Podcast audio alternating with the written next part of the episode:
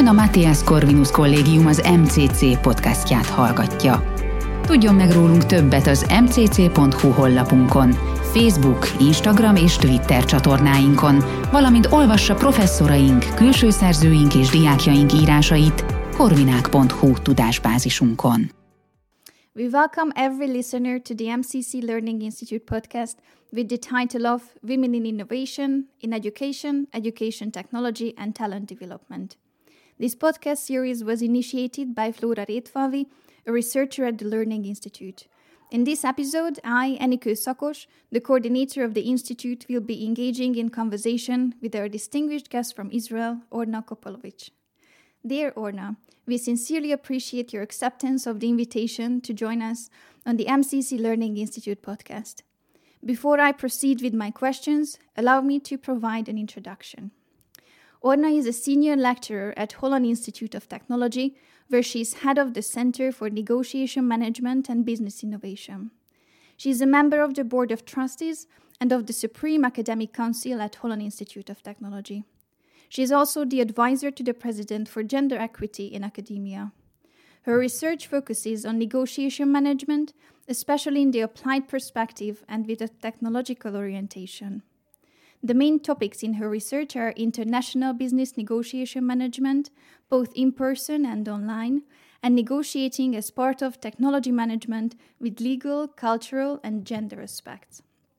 As part of her vision to instill her experience and knowledge in the field of negotiation management and conflict solving, she developed a massive open online course on negotiation management. The course was developed as part of an award for digital academic courses by the Council for Higher Education, Israel. The questions will relate to different aspects of the title, but firstly, I would like the audience to get to know you better. So let me start with questions focusing more on your personality. We can find numerous different definitions of innovation in various dictionaries, each with different focus. What does innovation mean to you? Wow, innovation is a spirit of life for me. It is hope for better, better future. I think it is a con- connection between ideas, values to practice or to products that lead to positive change and improvement in various aspects of life. It should be said that innovation is not only technology it is the ability to look at things from a new and creative perspective, changing our framework and asking ourselves what else? What else can we do to improve, to make things better? And this is the questions I ask myself every morning. This is what an innovation means for me. It's very nice. If it's an ability in a person, as you said, what qualities do you believe make you or can make anyone else innovative? I think it's a combination of seriously a desire to learn new things all the time, along with sense of social responsibility and an understanding that we are part of something bigger than ourselves and have a valuable role here. Um, and what, what motivated you to start working on this field? Earlier, when we talked, you mentioned that you really like helping others. Was it maybe one of them? What was it? My innovation focus on, on two areas negotiation and women leadership.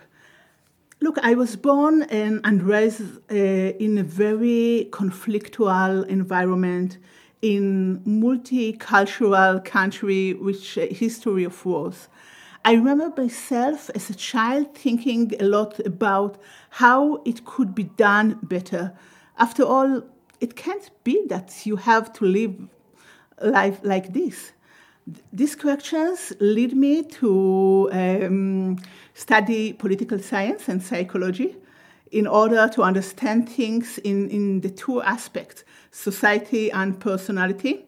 Then I study communication and um, engage in creative communication in the world of advertising. Then I studied law and mediation. And finally, I came to conflict resolution and management, which is a combination of everything together. I think it's connects my knowledge and experience to the person I have become. Now, as we had the background, let's focus more on the work you do now and the innovation part. Could you please describe your practical involvement, both as the head of the Center for Negotiation Management and Business Innovation, and a little more as the board advisor to the President for Gender Equity, please?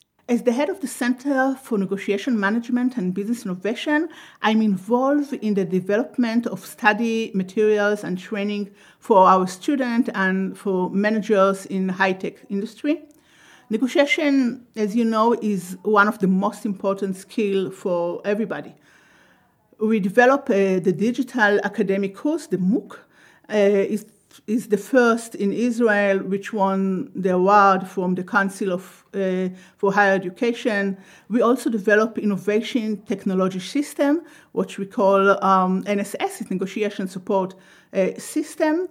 It, um, it's to practice and to help manager to practice negotiation and to better prepare them themselves for the process of negotiation.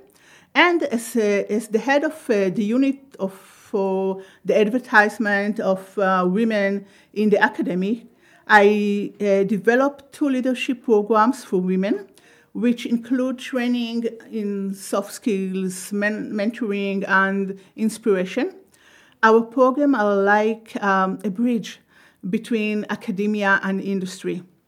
And in addition, we have a, a program of uh, technological leadership in elementary school which also included including uh, studying uh, programming. I have created uh, collaborations with several important companies in Israel, uh, high-tech industry, and they take part in the training of our female students and allow them a good entry into the work, world of work.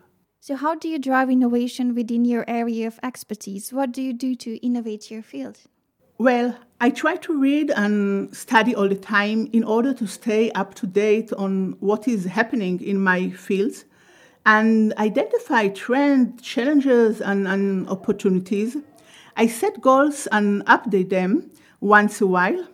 And I encourage creative thinking and encourage those around me to think outside the box. I listen to new ideas and insight from those around me and Above all, I remind myself that innovation is a journey, step by step, and you have to keep going even there are challenges along the way. That's a very important work that you're doing, and it must be sometimes very difficult. What are the most significant challenges you face? Well, my biggest challenges today is integration, is about integration you know, the most important challenge for me is finding a balance point between what we know and what is new. This is not only about technology, but also about belief, thinking, and, and um, perception. We live in a very changing world, especially after COVID. Uh, the world work has changed. Uh, OpenAI is available to us. And this is a big question. How do we combine traditional and innovation? And um, continuing, turning to womanhood, as it's also mentioned in the title, can you um, reflect on the question how does being a woman uh, help you in negotiation management? I think that the ability to be empathic and understand the other side, even if I don't agree with him, to respect him, and above all, to give him a good feeling, is something that is considered emotional management of women. I find that it's helped me, especially in difficult conf- conflicts, to uh, reach long term agreement, really win win between the parties. I'm not sure it's just because I'm woman but maybe it's part of that. In your experience, does negotiation management differ in Israel compared to the rest of the world? Yes, of course. Negotiation and mediation differ from culture to culture. You know, Israel is a multicultural country with people who came from different cultures and hold different perspectives that affect their framing regarding how to resolve conflict, regarding power or cooperation, and even the questions of uh, whether it is right to make eye contact during negotiation. It can be very challenging because sometimes you think the other party understands you because they speak the same language, dress like you, but there is a cultural wall there, which sometimes um, not visible. I think the main challenge is to understand it and learn the other side. Really put yourself in their shoes. This is the only way, in my option, to really resolve conflicts in negotiation. And as a closing message, what advice would you give to your younger self? I think it's um, don't waste so much time worrying. Must think work themselves out. Thank you very much for this conversation and sharing your thoughts. We appreciate everyone who followed our discussion, and if you enjoyed, please consider following MCC and the Learning Institute on all social media channels. Also, make sure to listen to our previous podcast episodes where we discuss women in innovation, education, educational technology, and talent development.